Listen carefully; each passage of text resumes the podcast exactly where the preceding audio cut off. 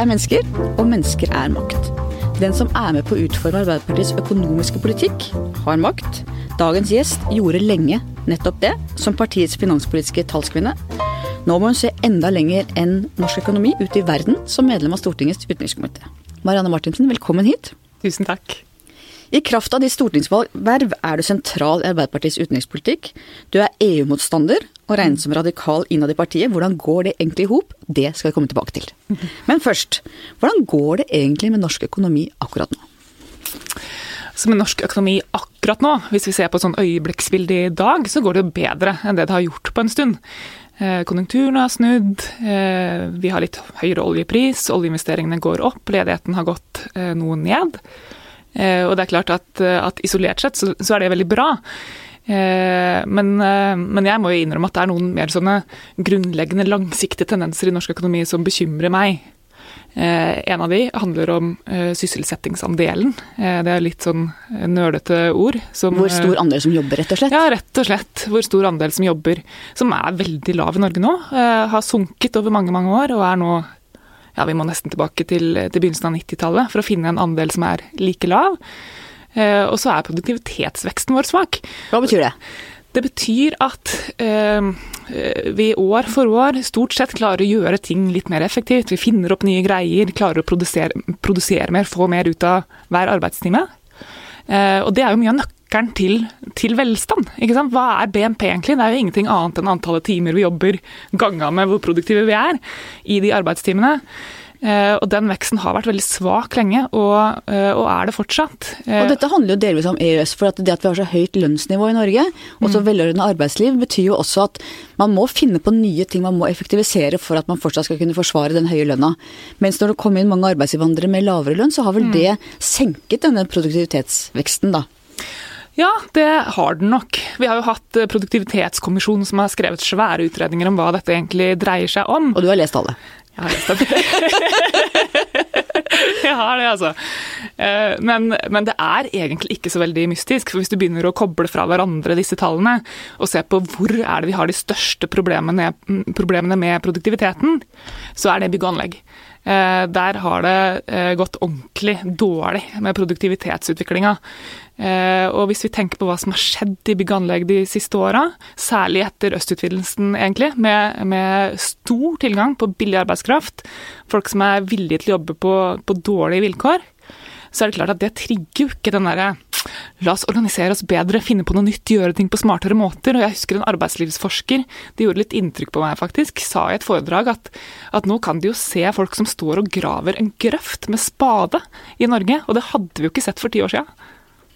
Dette er bekymringsfullt, og så er det ulikheten som dere er opptatt av. Men de mm. har jo økt ikke bare under denne regjeringen, men de har egentlig jevnt og trutt økt gjennom de i hvert fall siste kanskje 30 årene. Både under Ap-regjeringer og andre regjeringer. Hvordan forklarer du det? Ja, Det også er jo et kjempesvært puslespill, uten et veldig enkelt uh, svar på det. Uh, nå skal det jo sies da at inntektsulikheten, som er den vi vanligvis måler, gikk litt ned og flata ut under den rød-grønne regjeringa. Uh, og, og, en del fagmiljøer som ble satt til å se på hvorfor det skjedde, f.eks. SSB, konkluderer jo med at de skattegrepene som ble gjort da, hadde noen ting å si.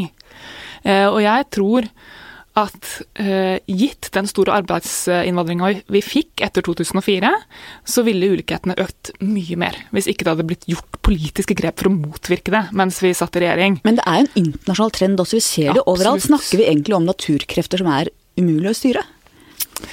Nei, jeg tror, jeg tror, ikke det er umulig å styre de. Eh, men det krever politisk vilje. Det krever faktiske politiske tiltak. Du er nødt til å bruke skattesystemet, du er nødt til å bruke utgiftssida i statsbudsjettet, og så må du bruke eh, det vi på fint kaller den norske modellen.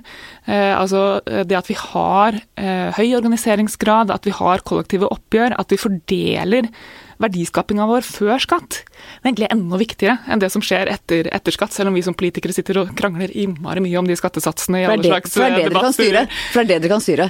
Ja, men vi kan også påvirke eh, hvor kraftfullt den norske modellen virker. Eh, for, eh, for, hvis, hvis arbeidstakersida sitter der og ikke lenger representerer et flertall av norske arbeidstakere, så har de jo heller ikke makt til å forhandle på den måten som, som de gjør. Og Derfor er det urovekkende med en synkende organisasjonsgrad også i LO? Ja, det er få ting som bekymrer meg mer enn det, faktisk. Eh, det handler både om lønnsoppgjørene, men også den der kulturen vi har i Norge for at arbeidstakersida og arbeidsgiversida kan sette seg ned sammen med staten, og så blir man enige om at cirka sånn ser verden ut, dette er utfordringene vi har.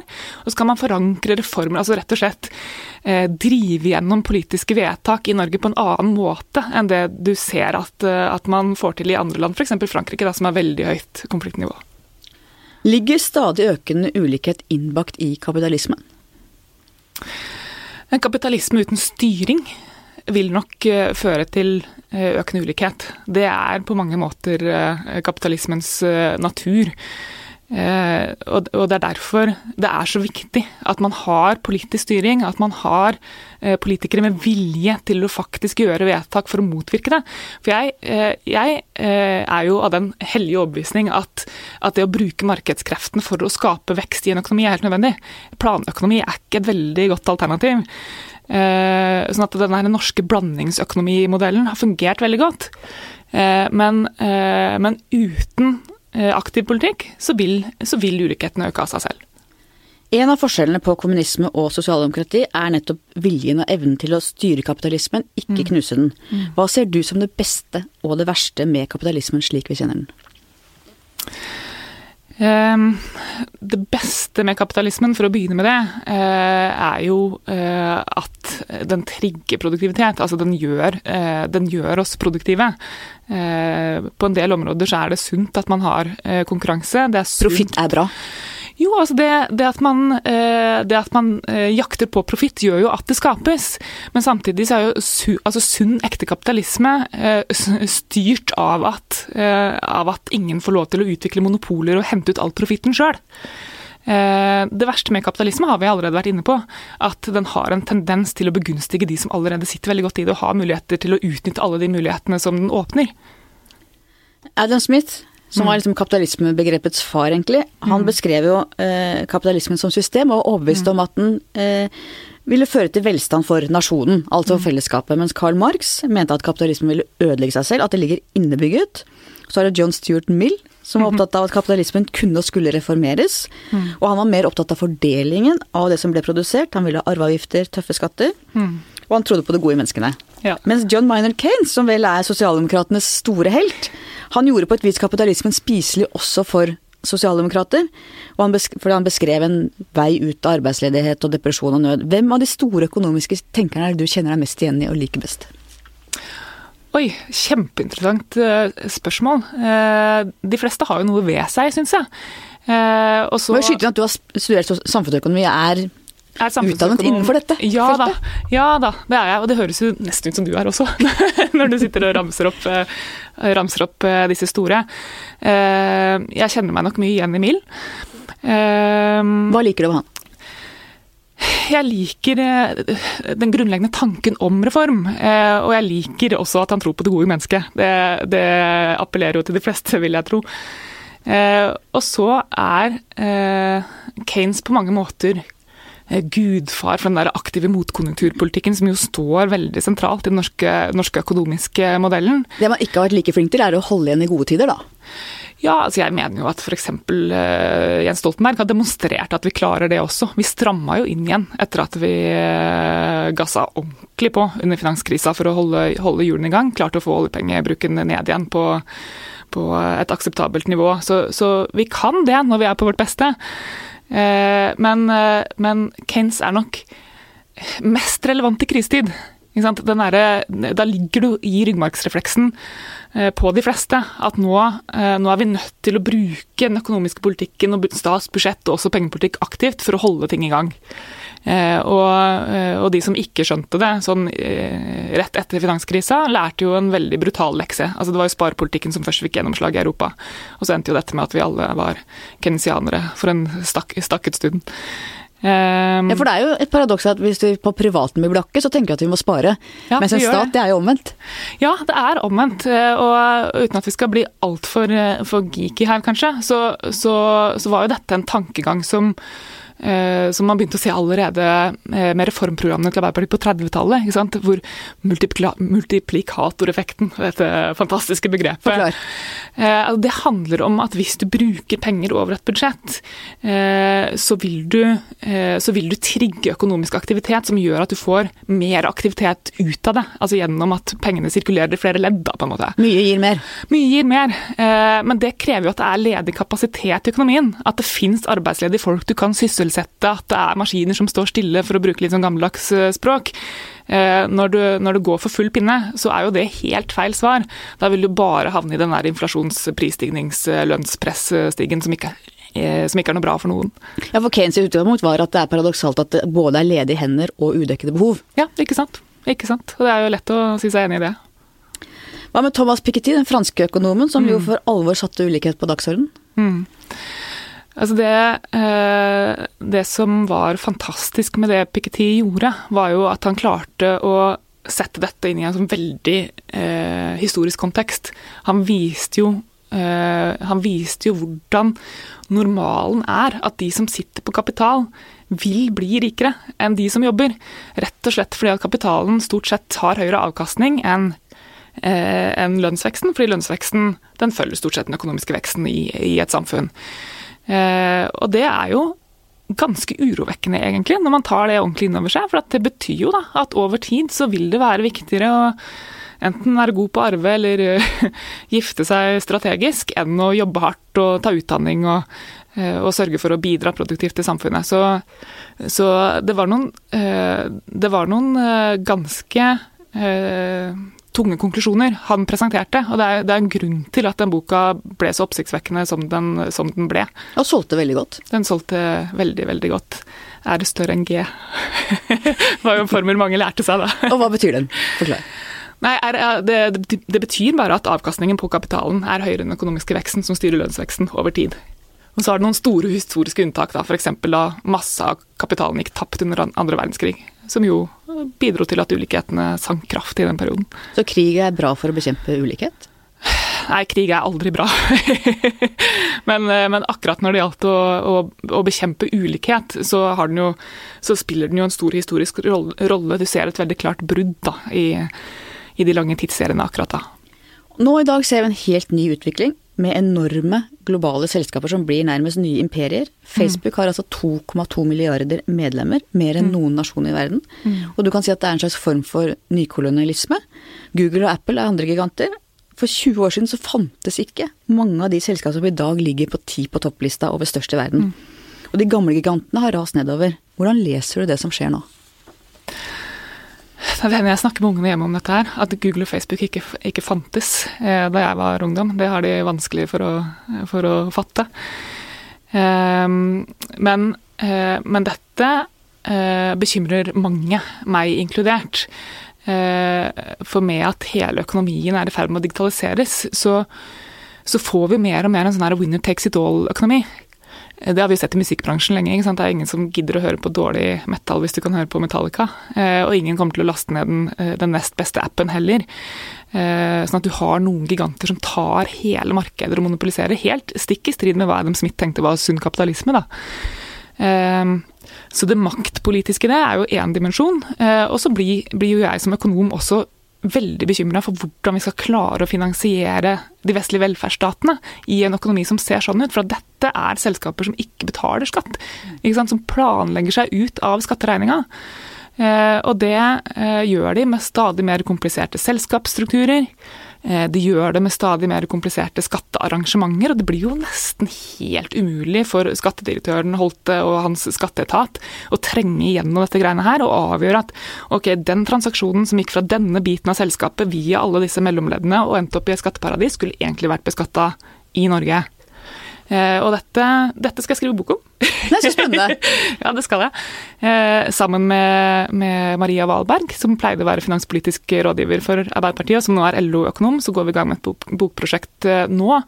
Hvor vi skal prøve å dra i gang en ordentlig diskusjon om hva vi kan gjøre i Norge for å sikre skattegrunnlaget vårt. Og husk at Google, norske Google-sjefen betalte antagelig mer i skatt som person enn mm. hele Google-selskapet gjorde i fjor. Det er helt vanvittig. Og de tjente milliarder av kroner på norsk jord. Betaler nesten ingenting i skatt. Nei, det er helt vanvittig. Og den andre siden av det er jo at, at det er langt færre arbeidsplasser bak hver inntjente million dollar. Mm. i disse selskapene enn det var i de tidligere tradisjonelle største selskapene. Mm. Ja, det er det. Eh, og, og, dette driver jo folk og går på frokostmøter om og skriver kronikker om og debatterer opp og ned. Hva, hva betyr det egentlig? Eh, at vi digitaliserer, robotiserer. Noen kommer til å sitte på alle produksjonsmidlene til slutt, noen veldig få. Eh, hva, hva, skal vi andre drive med? Skal vi, skal vi ikke jobbe? Eh, skal, skal vi, er det borgerlønn som er veien å gå?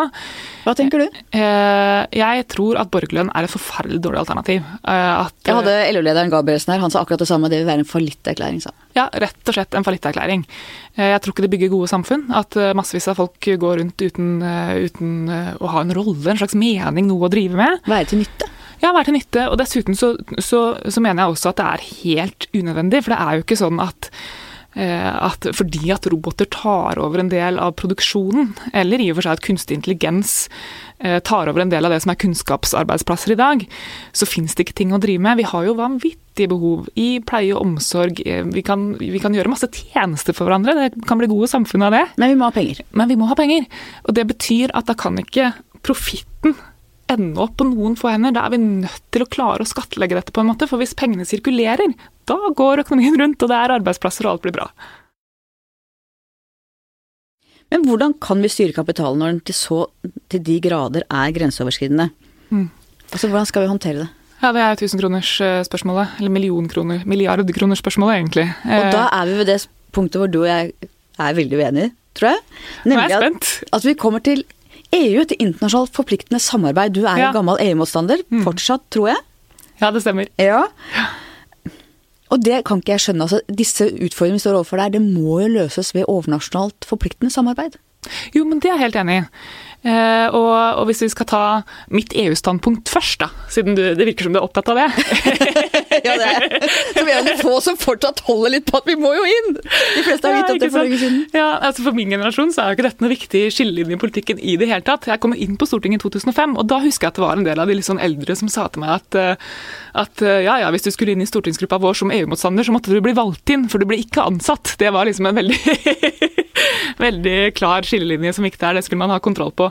Nå er det ikke så veldig, eh, veldig relevant lenger. Eh, men, men, jeg har jo et, eh, et klart standpunkt som, som på mange måter er mer fundert i hodet enn i hjertet. Hjertet sier på mange måter ja, et forent Europa, vi skal handle sammen og fred i, i all framtid og sånn. Som sosialdemokrat tror du jo på fellesskapsløsninger? Ja, jeg gjør det. Eh, når, eh, når, jeg eh, landa på at jeg mente at norsk EU-medlemskap ikke var riktig for Norge eh, Dette er jo en stund etter 94, hvor jeg gikk på ungdomsskolen og ikke egentlig hadde noen politisk rolle. Eh, så handler det bl.a. om at jeg tror at det ville passe Norge dårlig å gå inn som del av en økonomisk union. Det, ha... det er valutaen som skremmer deg? Euroen? Jo, men se bare på oljeprisfallet nå, da. Hvor hadde vi vært uten at vi hadde hatt en egen valuta? Men da vil jo Jens Stoltenberg og andre si at hvis vi hadde gått inn i 94, så hadde vi kunnet holde oss utenfor holde oss euroen. Utenfor, ja. Som andre Da kunne vi ha både vært med i det forpliktende internasjonale og overnasjonale samarbeidet og hatt vår egen valuta og egen økonomisk politikk. Ja, Det er helt klart en mulighet, men hva slags samarbeid er det egentlig? At man skal unndra seg det å være med å ta ansvar for, for den felles valutaen innenfor en allianse, da. Eh, så jeg har fleipa litt med at, at hvis EU utvikla seg til å bli en føderal stat med felles finanspolitikk, og ble mer som forvaltningsnivå som man, som man må forholde seg til, så, så, kan jeg sikkert revurdere mitt EU-standpunkt òg. Ja, ville du det, det på ordentlig? ja, jeg spøk litt med det, for føderalstaten er jo mange av, eh, av EU-motstandernes verste, verste, mareritt, så jeg syns det har vært litt, litt, sånn artig ting å si. En annerledes eh, EU-motstander? Ja, kanskje litt. Men, men jeg ser jo at, eh, at, mange av de initiativene som kommisjonen nå tar, knytta til skattlegging av disse selskapene, er bra initiativer. Det er ingen problemer med, eh, med å verken anerkjenne eller, eller, å se.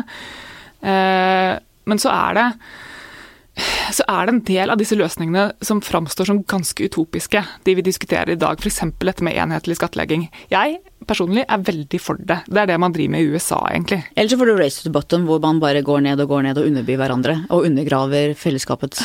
Ja, altså Det er litt, to litt forskjellige ting. For én ting er at man konkurrerer på skattesatser. På selskapsskattesatsen f.eks. så har vi jo holdt på med det greiene der. Det er uh, lite sunt, men samtidig åpent og på en måte fair. At, at, et land sier at ok, vi vil tiltrekke oss investeringer, så vår selskapsskattesats setter vi lavere enn hos naboene våre. Som Irland har gjort, f.eks. Som Irland har gjort, f.eks. Uh, og det ble jo ikke bare bra resultat av det. mens det vi snakker om her, er jo, er jo at selskaper tar den profitten som de har generert i ett land, og flytter den til et annet. For å unngå beskatninga der hvor de faktisk har skapt verdier. Og det er noe, det er noe annet. Eh, og, og, en løsning som enhetlig skattlegging, som gjør at okay, selskapet beskattes på internasjonalt nivå, så fordeler landene den eh, skattegevinsten seg imellom etterpå, etter, en eller annen nøkkel. Det er jo en løsning på det. ikke sant? Det er jo en veldig radikal løsning, og, og som også diskuteres i, i EU nå.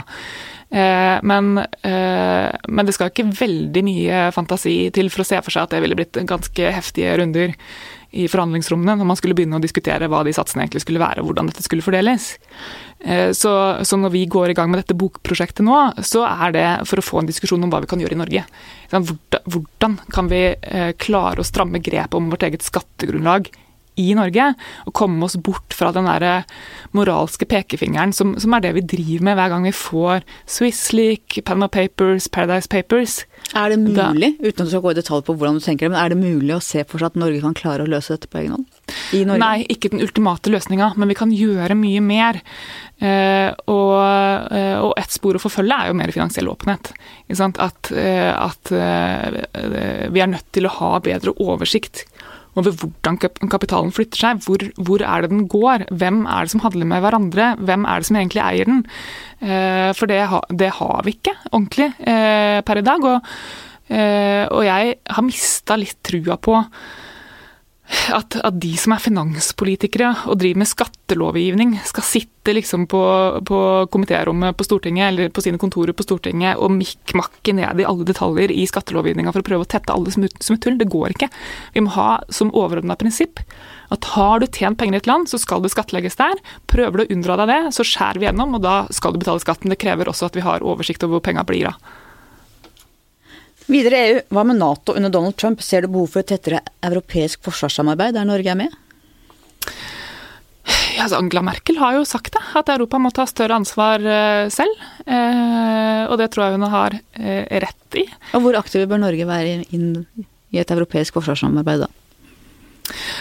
Eh, Norge skal spille en aktiv rolle, først og fremst innenfor Nato-samarbeidet, tenker jeg. Nå diskuteres det veldig hva, hva, slags rolle EU skal ha i dette. Eh, og, og EU har jo, eh, har jo, tatt noen initiativer og forsterker jo det forsvarspolitiske samarbeidet nå. En del er bekymra for om det skal gå på bekostning av Nato, og det er jo en bekymring jeg kan, kan forstå. Og hvis vi havner der at vi begynner å bygge opp parallelle kommandostrukturer og altså, spre ressursene, så er det ikke bra. Eh, men, men, så langt i hvert fall så handler det jo mest om, eh, ja, om, om forsvarsindustri og om å eh, forsterke veier og broer så man kan flytte forsvarsmateriell raskere i Europa, den type ting, som, som også kan gagne Nato-samarbeidet. Og det er jo bra. Og så gjør jo Norge en kjempeinvestering med kampflyene nå, og jeg er av de som mener at det er riktig og viktig. Altså at det er en riktig investering å gjøre. Vi har, vi har en nabo i øst, som etter 2014 eh, eh, har vist seg å være noe annet enn det jeg trodde da jeg vokste opp og Glasnost var min favoritt, favorittsang. Kjetil Bjørn Nei, hva heter han? Kjetil. Nei, det er Jan Teigen. Jan Teigen var det! Ja, det Jan Teigen ja, ja, ja. som var den. Mm, jeg husker ja, Kjempefin med barnekor som kommer inn der, og ja da, den nynna jeg på med stor innlevelse i niårsalderen. ja da. Eh, men det, det, å, eh, det, å, vise at vi er i, stand til å hevde vår egen suverenitet, eh, og at, og at, vi har sterke allierte i Nato, det at vi har en stor Nato-øvelse på norsk jord nå til høsten, jeg mener at det er riktig og at det er bra. Men det må jo balanseres mot beroligelse, altså den balansen vi alltid egentlig har, har bedrevet overfor Russland. Eh, så det at den øvelsen ikke skjer i Finnmark, eh, f.eks., eh, og at, og at Russland er invitert til å inspisere osv., det, det er viktig. Og så må vi beholde den politiske dialogen. Vi deler gjerde med Russland, vi må snakke med dem. Hva med brexit? Opplevde du at det var godt eller dårlig nytt? Da britene stemte ja til å gå ut av EU? Det som skjer nå er ikke bra. Det tror jeg alle er enige om. Samtidig så må jeg si at, at jeg har reagert litt på tonen i en del av brexit-debatten, også i Norge. Eh, for det, det, er, det, er, en tendens til at, til at, folk tar på seg den derre litt sånn skadefro hø-hø, se hvordan dette går. Eh, de trodde at de bare kunne melde seg ut og plukke de fordelene de ønska ut av, EU-samarbeidet. Det kan de åpenbart ikke. og det liksom kose seg på litt sånn skadefro måte med det kaoset Theresa May står oppi nå, det har jeg ikke sånn veldig sans for, for dette er ikke bra for noen. Eh, og, og, vi må jo ha en slags grunnleggende respekt for at britene faktisk stemte nei. Eh, og det å idiotforklare eh, de som stemte nei med at de ikke skjønte sitt eget beste, det har jeg heller ikke noe særlig sans for. Det er nok ikke noe tvil om at Storbritannia samla sett kommer til å tape økonomisk på dette. Eh, men for en del av de som, eh, som eh, sitter som arbeidsledige industriarbeidere på, på den engelske landsbygda, og som ikke har fått tatt del i den økonomiske veksten, Eh, og som egentlig bare har sett skyggesida av, av, fri flyt. For dem så er det jo et helt, helt rasjonelt valg. Men det er et problem for oss for at vi har hatt uh, Storbritannia som alliert i oljepolitikken f.eks. Ja. innad i EU. Ja, Nå mister vi. det. Det kan bety trøbbel. Det kan bety, bety trøbbel. Jeg har jo sjøl, mens jeg satt i energi- og miljøkomiteen, vært sendt ned som en sånn utsending til Europaparlamentet for å snakke med partikolleger i Europaparlamentet om Eh, om sikkerhetspolitikken på, på norsk sokkel. Eh, hvor jo EU har vært veldig interessert i å detaljstyre det eh, gjennom, gjennom, eget eh, direktiv, eller til og med forordning. Altså at vi skal få detaljerte beskjeder om hvordan nærmest vinkler på trapper på norske plattformer skal være. Eh, og dette er Norge så god på at det bør vi egentlig ha styringa på sjøl. Eh, og der mister vi en alliert, og det er et problem for oss. Bør vi være urolige for den verden vi lever i mer enn vi har vært de siste ti årene? Og det er et kjempestort uh, spørsmål. Uh, jeg var litt inne på, på hvordan, hvordan, jeg så på verden som, som, barn med glasnost og alt dette her. Uh, og jeg hører nok til en generasjon som har fått litt sånn utenrikspolitisk sjokk, egentlig. For vi har jo helt oppriktig trodd, vi. Altså, vi har vokst opp i den troen at, at hvert år så blir liksom verden et litt mer sivilisert sted, og fred og stabilitet, og det går i riktig retning, liksom. Uh, og det er jo ikke bildet nå. Eh, det er, ikke, det er jo ikke nattsvart heller. Eh, folk løftes ut av fattigdom, og det er jo færre væpna konflikter. Det er, det er mange positive ting som skjer. Eh, men maktbalansen i verden endres. Verden framstår som mer ustabil. Vi har vært litt inne på, på Russland. Kinas rolle i dette uroer meg, og gjør at jeg er genuint usikker på på hvordan maktbalansen i verden kommer til å se ut om 10 og 20 år? Tror du Kina kommer til å være veldig mye tyngre enn vi ser nå? Det er, å, det er, så skummelt å spå. Plutselig så får jeg dette på øret igjen, vet du, om ti år. Eh, det er nok ikke sikkert at Kina kommer til å være den voldsomme motoren eh, som de har vært i verdensøkonomien de siste åra, eh, det tror jeg nok kanskje ikke. Det opprettholder de vekstratene der over mange tiår. Det, det vil overraske meg hvis de klarer det. Men samtidig så framstår Kina med en veldig selvbevissthet og selvtillit nå. Midtens rike. Ja, midtens rike, rett og slett. Eh, de ruster opp militært, og særlig til sjøs. De er jo i stand til å ta sjøkontroll over ganske store områder nå, også kommersielt veldig viktige, viktige havområder. Og cyber oppe i verdensrommet? Ikke minst. Eh, cyber. Og selv om, eh, selv om kinesiske ledere nå snakker om at man må rebalansere økonomien, du må eh, få til mer vekst i tjenesteproduksjon, altså eh, bygge egen middelklasse mer enn å drive og eksportere veldig mye, så investerer de jo voldsomt ute. Og de gjør det veldig strategisk. Dette Belt and Road-initiativ er jo Fortell hva det er. Ja, det er egentlig Altså, de skal reetablere Silkeveien. Eh, både eh, til, til sjøs og på land. Og dette blir jo kanskje de største infrastrukturinvesteringene vi har sett i vår levetid. Eh, og de skal gå gjennom til dels ganske kontroversielle ruter. og mange inviteres inn til å delta i det. Det er klart, ja? Og det er klart at, at dette, dette er strategi. Dette er strategi. Og de investerer også veldig bevisst i selskaper. Teknologiselskaper, går etter naturressurser. De bygger bevisst alternative eh, internasjonale institusjoner. Eh, Asiatiske investeringsbanken f.eks. tilbyr billige lån til utviklingsland. Og lanserer på mange måter en alternativ utviklingsmodell. Det er det de gjør. De, de, forteller framvoksende økonomier at Vesten har sin modell, vi har en annen. Du kan vokse uten demokrati. Ja, og det syns jeg òg er, eh, er eh, ganske voldsomt å ta inn over seg. For jeg har jo i min enfoldighet tenkt at ok, øh, voldsom vekst i Kina, middelklassen vokser fram det kommer til å bli fulgt av krav om mer åpenhet, krav om mer demokrati. Akkurat det jeg tenkte, akkurat det har jeg tenkt og vært helt sikker på lenge. Alle, tror jeg nesten alle har tenkt. Eh, og så er det det motsatte som skjer. De, de strammer jo til nå. Eh, og vi leser jo artikler om, eh, om Kina som, som, kanskje det verdens første perfekte digitale diktatur. Eh, med ansiktsgjenkjenning og social scoreboards på internett. Altså fullstendig overvåking. og hvor Oppfør deg ikke ordentlig, så kan du risikere å ikke få kjøpe togbillett hvis du kjenner ja. feil folk eller har sagt noe ja, feil. Eller at ungene dine ikke får gå på det universitetet de vil. Og dette, dette er virkelig å ta grep om, om kineseres hverdag, og så aksepterer de det.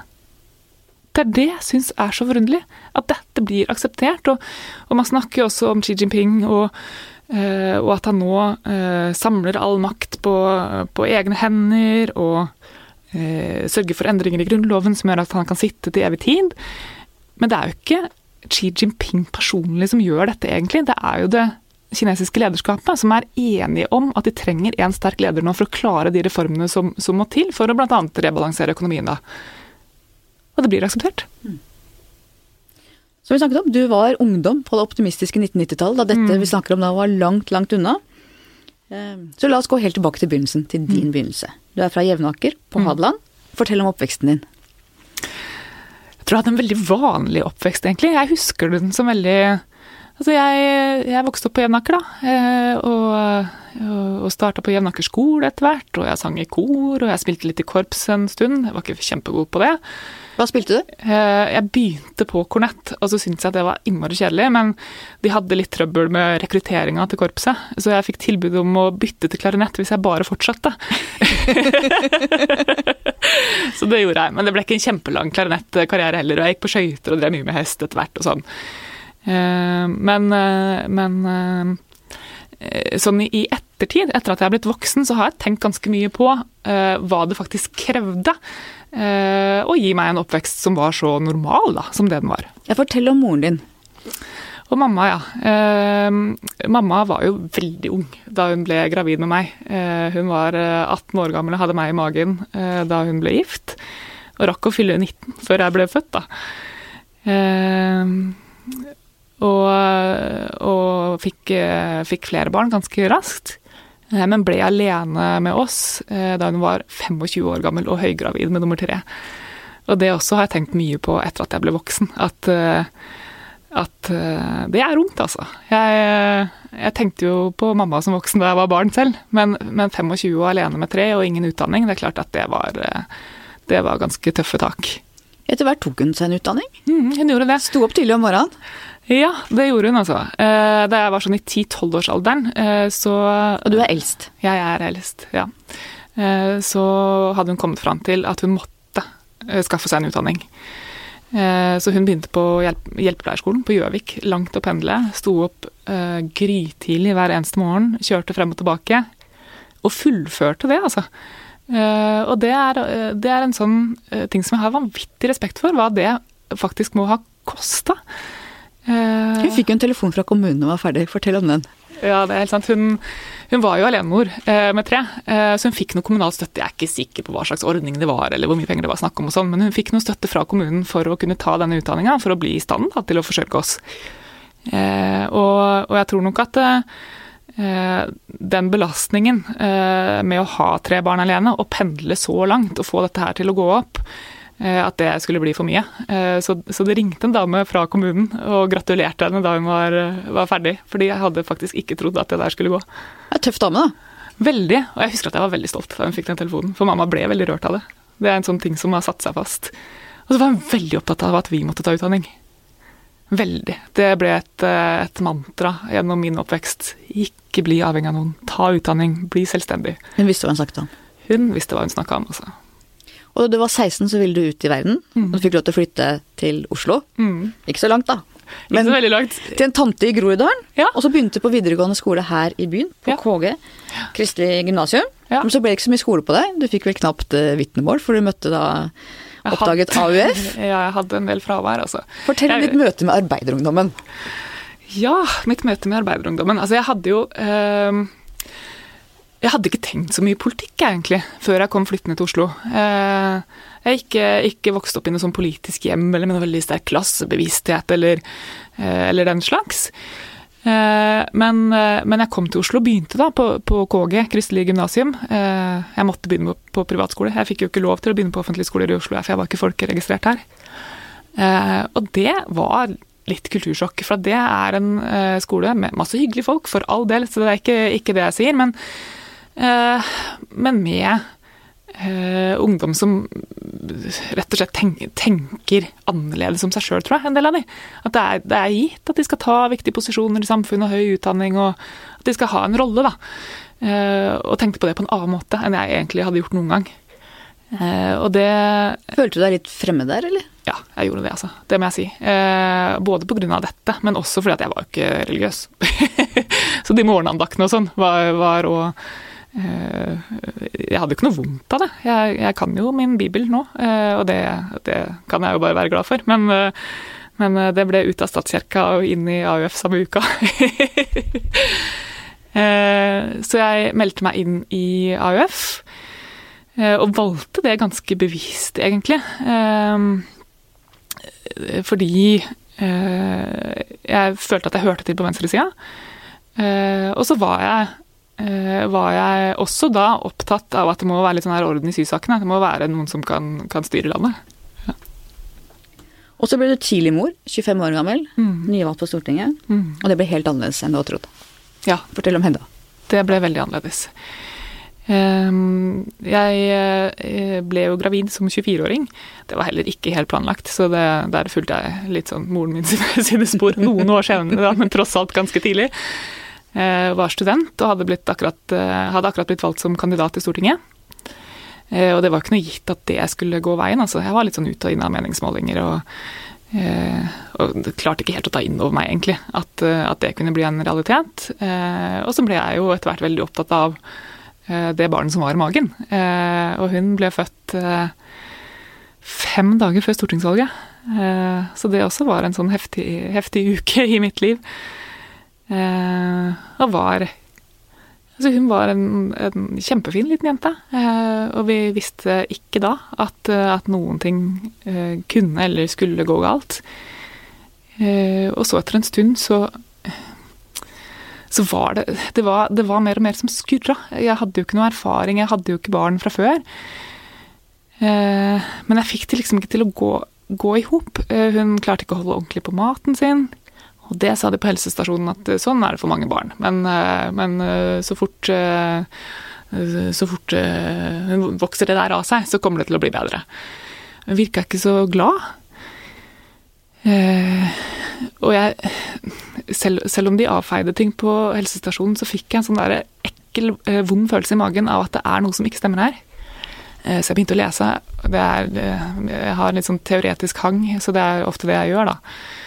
Begynte å lese, eh, og leste og leste og leste, og leste, og begynte å gjøre sånne nevrologiske tester på henne selv. Det er jo litt sjukt, egentlig, men jeg gjorde det. Strøken under beina og sånn. Ja, for eksempel. Eh, og disse spe- spe- spedbarnsrefleksene skal jo forsvinne i tremånedersalderen, og de gjorde ikke det. Eh, og da fikk jeg en til utredning. og de klarte aldri å finne ut hva som egentlig var galt. Men hun ble hun ble jevnt over sykere og sykere. Det var klart det var litt opp og ned. Eh, så jeg visste jo ikke at dette kom til å gå helt galt. Eh, før, eh, før det var ganske sent ut i det forløpet. Men, men jevnt over så gikk det nedover med henne, og da hun var litt over et år, så slutta han plutselig å puste en kveld. Og da Altså, da hadde vi jo som pustemaskin hjemme. Altså, vi hadde en del Jeg klarte å holde liv i henne til ambulansen kom. Eh, men etter det kom hun ikke hjem igjen. Eh, da var vi Vi bodde på sykehuset i tre-fire måneder. Hva har det gjort med ditt syn på livet? Ja, du er ikke den første som spør om det. Eh, Og jeg syns det er så vanskelig å svare på det. Eh, fordi dette er jo mitt liv. Dette har skjedd, og det, er, og det er vanskelig for meg å si hva jeg ville tenkt om ting, eller hvordan jeg ville oppfatta ting om det ikke hadde skjedd. Um, men jeg har, jeg har jo snakka om flere ganger at, uh, at jeg fikk jo Jeg fikk en følelse av å være avhengig av systemet rundt meg tidligere enn veldig mange andre.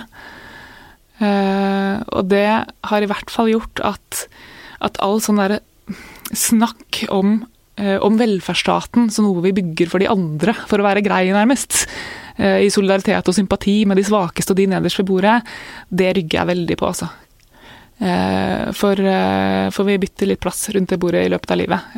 Og, det, og velferdsstaten er, er, vår felles forsikring og vårt felles bolverk når, når, det virkelig trengs. Og da Hedda døde, så var du allerede gravid med barn nummer to. Ja, det Var jeg. Var det det som bar deg over, på en måte? Eh, ikke da. Eh, jeg var livredd. Jeg var eh, helt sikker på at, på at det nye barnet også kom til å være sykt. For de fant jo aldri ut hvorfor Hedda døde, hvorfor hun ble så syk og ble sykere og sykere. Og sånne progressive sykdommer, som de kaller det, kan være genetiske. og jeg var jo allerede gravid på nytt da det kom på bordet, så det var det liksom ikke noe å gjøre noe med, heldigvis nå.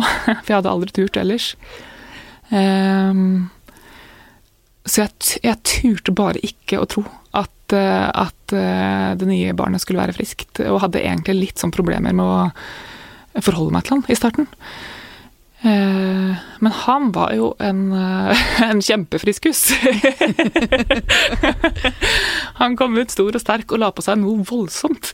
Og ble en sånn tjukkasbaby som smilte og lo og pludra hele dagen. Og det var akkurat det jeg trengte, egentlig. Så Hvor lang tok det før du følte deg trygg? Tre, tre, måneder. Tre måneder. Og ja. da, var du, da, var du, glad mamma igjen? Ja, det var jeg. Eh, og det var ikke tilfeldig at det var tre måneder, for da så jeg at spedbarnsrefleksene forsvant. det ja. Du har alltid reagert på vår omtale av såkalt svake grupper. Mm. Jeg har det.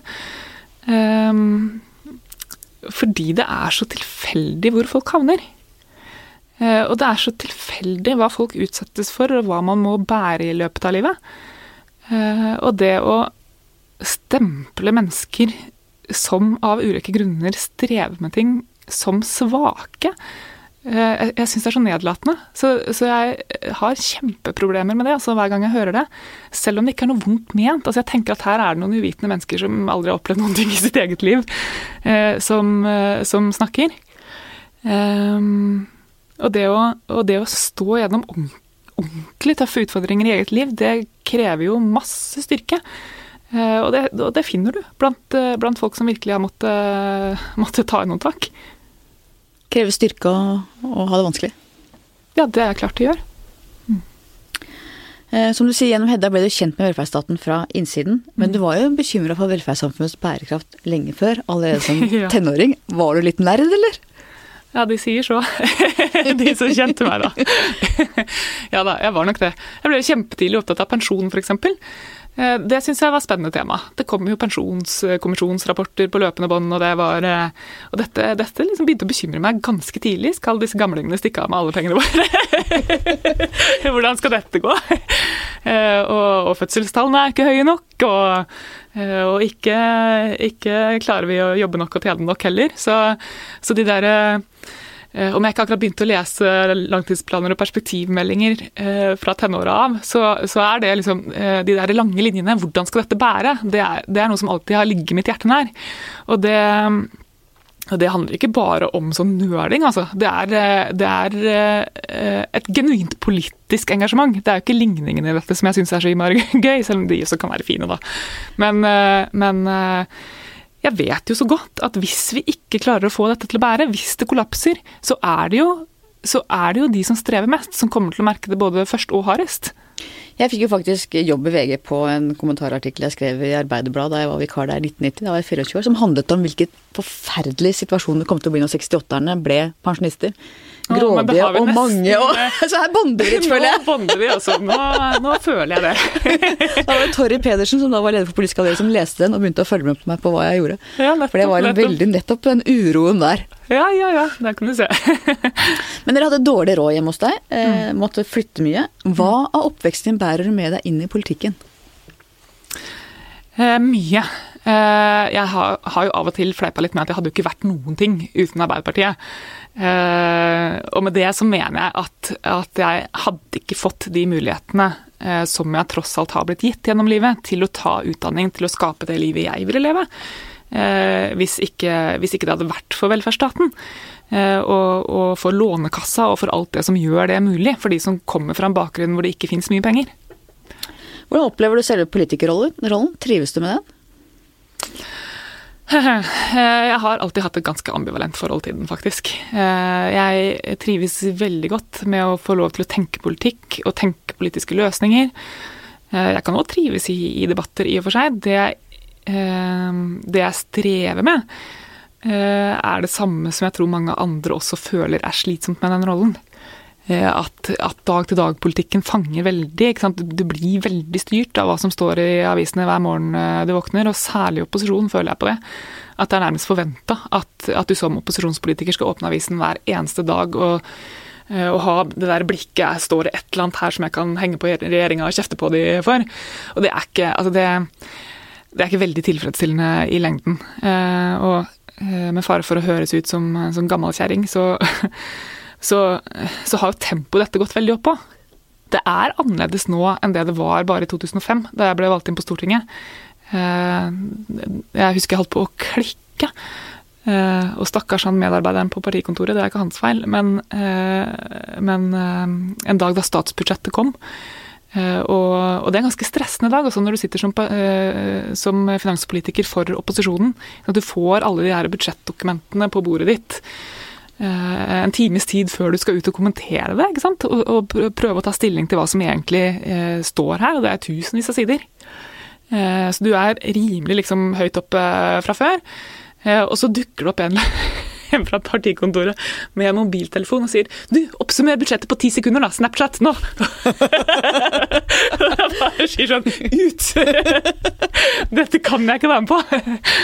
Uh, uh, og det der har jeg følt mye på. Altså, det å møte opp i Dagsnytt 18 to timer etter at du har fått en 700 siders uh, rapport i, i henda, for å debattere den og mene om den. Det er jo egentlig totalt useriøst.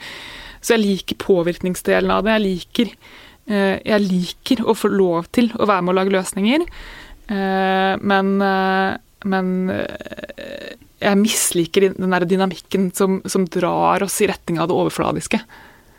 Og så har du beskrevet deg selv som introvert, men glad i folk. Hvordan tror du mm. folk oppfatter deg? Eh, nei, jeg håper jo at de syns at jeg er sånn rimelig likende, da. Eh, og det er jo den store misforståelsen om, om introverte mennesker. At, at, du ikke liker folk. Eh, men det gjør jeg. Jeg er kjempeglad i folk, eh, og mange folk er veldig, veldig glad i. Eh, men, men dette handler jo bare om hvor, altså, hvor, er det du henter energi fra. Blir du sliten av å ha mange mennesker? Ja, jeg gjør det, altså. Jeg gjør det. Men for meg så var det en kjempestor lettelse da noen begynte å skrive bøker og snakke om dette her. Det var litt sånn, å ja, sånn var jeg, da falt det på plass. Eh, og det er jo ingen fare med de ekstroverte, på en måte. De kommer alltid til å vinne, tror jeg, her i verden. Det er jo de folk elsker, og de kommer inn og tar et rom, og de blir ledere og sånn, og det er flott. Men, eh, men det ble i hvert fall en slags aksept for at introverte mennesker fins, og at vi har en slags funksjon, vi òg. Noen sier at de er veldig nyttige, mye nyttigere enn noen tror. Ja, det, det, vi, vi, er i hvert fall her og, og kan bidra. For, for, noen så ble det nesten en litt sånn uh, sær, kul ting. Litt sånn nølete kult å være blant de introverte, da. Så da da bruker jeg den eh, forklaringa for meg sjøl, når jeg syns at jeg blir litt sliten av mottagelser og den slags. Og i høst fikk du høyst ufrivillig en hovedrolle i det som mange mener utløste høstens store krise i Arbeiderpartiet. Etter det katastrofale stortingsvalget for Ap fikk Trond Giske plassen som finanspolitisk statsmann for Arbeiderpartiet, en rolle du hadde hatt og ønsket å fortsette med. Hvordan opplevde du den høsten? Den høsten var kjemperar. Eh, jeg tror jeg har brukt, brukt ordet surrealistisk før. Eh, og det oppsummerer det kanskje best. Eh, for det som skjedde i starten av den høsten, var jo egentlig bare det samme som skjer hver eneste gang en stortingsgruppe skal konstitueres. Eh, og det er at folk spiller inn hva de, hva de, ønsker seg å gjøre. Det er litt som å søke til videregående, egentlig. Du setter opp tre, valg i prioritert rekkefølge, og så gjøres det en prioritering etterpå. Og der har jo partilederen sin selvsagte rett til å prioritere hvordan mannskapet skal brukes, og det gjorde han. Eh, og, og, jeg syns ikke det var noe som helst eh, merkelig å svare på spørsmål om hva jeg hadde ønska. på samme måte som andre gjorde det. Og så ikke i det hele tatt det der vanvittige bråket som oppsto, komme. Det, det, var veldig overraskende for meg. Og jeg syns at det var kjemperart. De satt jo og forhandla om, eh, om regjeringas videre liv. Man skulle jo tro at det var mer interessant enn enn at et opposisjonsparti konstituerer seg, men, men sånn ble det ikke. Syns du det var ubehagelig? Jeg har egentlig et ganske distansert forhold til det som skrives om meg. Eh, og, og, mine egne dager akkurat da var egentlig ganske behagelige. For jeg, jeg, kunne jo ikke gjøre noe. Dette var et valg som Jonas Gahr Støre skulle ta. Eh, og jeg hadde ikke noe mer å si om det, og hadde ikke noe ønske om å bidra og stille opp i masse intervjuer om det heller. Eh, og forsterke alt det bråket som oppsto. Uh, ikke kunne jeg være på Stortinget, uh, for der uh, Jeg hadde jo ikke arbeidsoppgaver, det var nå det ene. Det var ikke avklart hva jeg skulle jobbe med, så det var ikke noe poeng å sitte der og jobbe hele dagen. Og, og, det var så mye journalister som ville ha tak i meg, så det var ikke mulig å egentlig få gjort noe der. Så jeg var en god del hjemme, bakte en del boller til ungene og sånn. Og så var mannen min på sluttpakke akkurat da. Han var mellom to jobber. Eh, så han hadde også fri, så det var egentlig litt sånn koselig. Vi dro på fisketur etter at ungene hadde gått på skolen, på skolen og sånn. Så, så, så, jeg hadde det eh, egentlig helt fint oppi det der. Og, og, og klarte å legge fra meg telefonen og egentlig ikke forholde meg så veldig til det. Og tenkte at dette får bli som det blir. Men jeg var jo bekymra for, for partiet, og hva det sa om ståa i partiet. At det kunne bli så mye bråk rundt eh, en sånn egentlig ganske kurant sak. da. Og Hva tenker du i ettertid om partiledelsens håndtering av metoo, Trond Giske, stridighetene, krisemålingene? Det har vært ordentlig tøffe tak, eh, også for partiledelsen. Eh, og det har jeg veldig respekt for. At det der må det ha vært vanskelig å stå i. Jeg dro på Forsvarets høgskole i vinter og hadde, hadde søkt det da det ble klart at jeg skulle inn i, i utenriks- og forsvarskomiteen. Og tenkte at det er jo en pangstart å få lov til å gå der, og det var det. Eh, men det gjorde at jeg var sånn på utsida av det, og fulgte det ikke fra de helt indre, indre gemakker. Så jeg ble mer som vanlig avisleser oppi hele greia, og syntes at det så fryktelig tøft ut. Um, så ser jeg jo at det er uh, at det er mange, du inkludert nå, da, som prøver å trekke en slags linje fra den konstitueringa og over til, til metoo-sakene. Det syns jeg er veldig rart. Uh, for det er en sammenheng som egentlig ikke fins. Men tror du metoo hadde blitt så kraftig hvis ikke det hadde vært den konstitueringa først som skapte slikt raseri hos mange, særlig kvinner i Arbeiderpartiet? Dette er jo to helt forskjellige ting. Jeg skjønner, at spørsmålet stilles. Eh, fordi, eh, fordi, at dette etter hvert kom til å handle mest om vår nestleder, eh, som jo sto sentralt i den konflikten også. Og mange så den konflikten som et uttrykk for at han hadde videre ambisjoner, og hvor stor plass skal han egentlig ha i partiet og sånn. Og det er jo helt umulig for meg å si i etterkant om det ville utspilt seg noe annerledes uten uten den forløperen, da.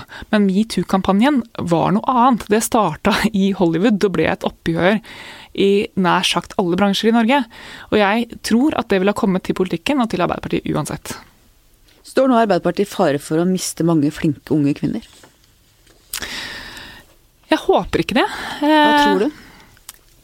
Det kan, det kan, selvfølgelig bli konsekvensen av det. Eh, fordi, at, fordi det, er, altså det, er, ikke til, til, å legge skjul på at det er nok mange som har, har blitt demotivert av det de har sett gjennom vinteren. Eh, det er ikke noe vits i å prøve å si noe annet om det. Eh, jeg er jo også bekymra for, eller tenker mye på, de vi har mista underveis. Altså før metoo-kampanjen ble en realitet. Vi har jo hatt varslere som har stått fram og sagt at de har trukket seg ut fordi at dette ble for vanskelig og ubehagelig å stå i. Og det burde vi snakke mye mer om. Hva, hva gjør vi for å holde på de damene? Og hva med din egen fremtid i politikken? Har du lyst til å fortsette, tror du, etter neste stortingsvalg? det er for tidlig å si noe om, eh, om perioden etter neste stortingsvalg. Eh, nei, altså jeg skal jo være på Stortinget i tre år til, eh, og jeg skal sitte i utenriks- og forsvarskomiteen. Det, eh, det, det, er noe jeg har veldig lyst til. Det er jo mange som tror at jeg, at jeg bare går rundt og dveler rundt, eh, rundt min fortid i, i finanskomiteen. Det gjør jeg absolutt, eh, absolutt ikke. Eh, jeg ville gjerne til utenriks når jeg ikke skulle være på finansfeltet lenger. Og for meg så er det litt sånn tilbake til de politiske røttene, egentlig. Jeg starta jo eh, i sin tid som, som eh, internasjonal rådgiver i AUF. Og har alltid hatt et stort internasjonalt engasjement. Og satt jo i sju år i energi- og miljøkomiteen på Stortinget før, før jeg satt i finans. Og, og er, er du fortsatt motivert for politikk? Ja, jeg er motivert for å jobbe med politikk, ja. Eh, ikke særlig motivert for å drive og være involvert i masse konflikt. Eh, men, eh, men jeg er motivert for å jobbe med politikk. Og, og klimasaken som jeg jobba mye med, internasjonal skattlegging altså Dette er jo ting som er kjennetegnet av at det trenger trenger internasjonale løsninger. Så for meg så, så gir det mening å fortsette i utenrikskomiteen nå. Og så er jo forsvarsfeltet helt nytt for meg. Og det er sånn superbratt læringskurve. Veldig gøy å lære noe som er nytt, og noe som dessverre da eh, blir stadig mer relevant. Eh, mens du var ansvarlig for Arbeiderpartiets eh, økonomisk politikk, så vokste det frem et sterkt fagmiljø på det feltet i Arbeiderpartiet. Mm. Og i høst så sluttet begge rådgiverne i Arbeiderpartiets finansfraksjon i protest mot at du ikke fikk fortsette, men ble erstattet av nettopp Trond Giske. Eh, og han røk ut av komiteen etter å ha trukket seg som nestleder i partiet. Og du var tydelig på at du ikke ville tilbake til finanskomiteen. Hvorfor ville du ikke det? Um, for det første så, uh, så var jeg, jeg var på Forsvarets høgskole da, dette, da dette pågikk. Og var liksom veldig i ferd med å bli varm i trøya på det forsvarspolitiske feltet og motivert for å jobbe videre med det. Jeg har lyst til det. Eh, og det å drive og gå tilbake er liksom ikke ja, eh, jeg tenkte at det blir litt, eh, litt, feil for min egen del. Men, men, mest av alt så tenkte jeg at det blir et kjempedårlig bidrag til, til, å få fred og fordragelighet og ro og orden i partiet. Og at folk skal kunne, kunne se tilbake på den prosessen og forsone seg med det som har skjedd. Fordi det er så mange som har prøvd å trekke den eh, sammenhengen som du nettopp gjorde, mellom den konstitueringa og det som skjedde med metoo etterpå. Eh, den sammenhengen fins ikke, men, men jeg, jeg, ser at folk prøver å skape den.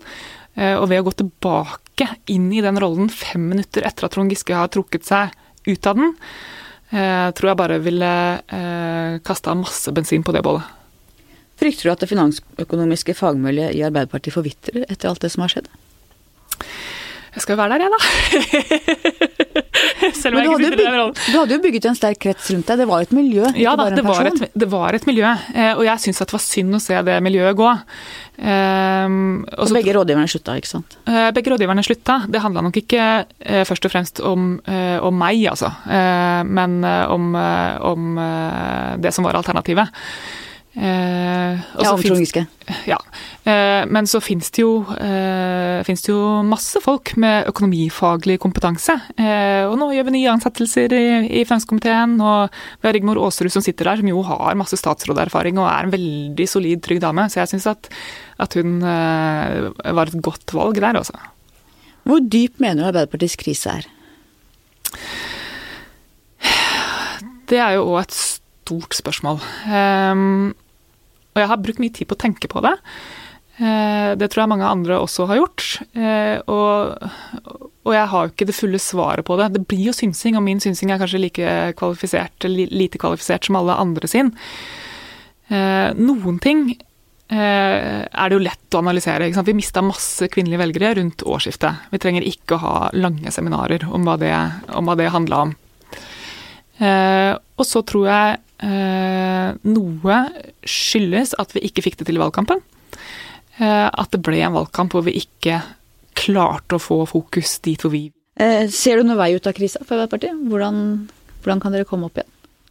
Ja, det gjør jeg. Arbeiderpartiet er nødt til å være styringspartiet på venstresida av den politiske streken.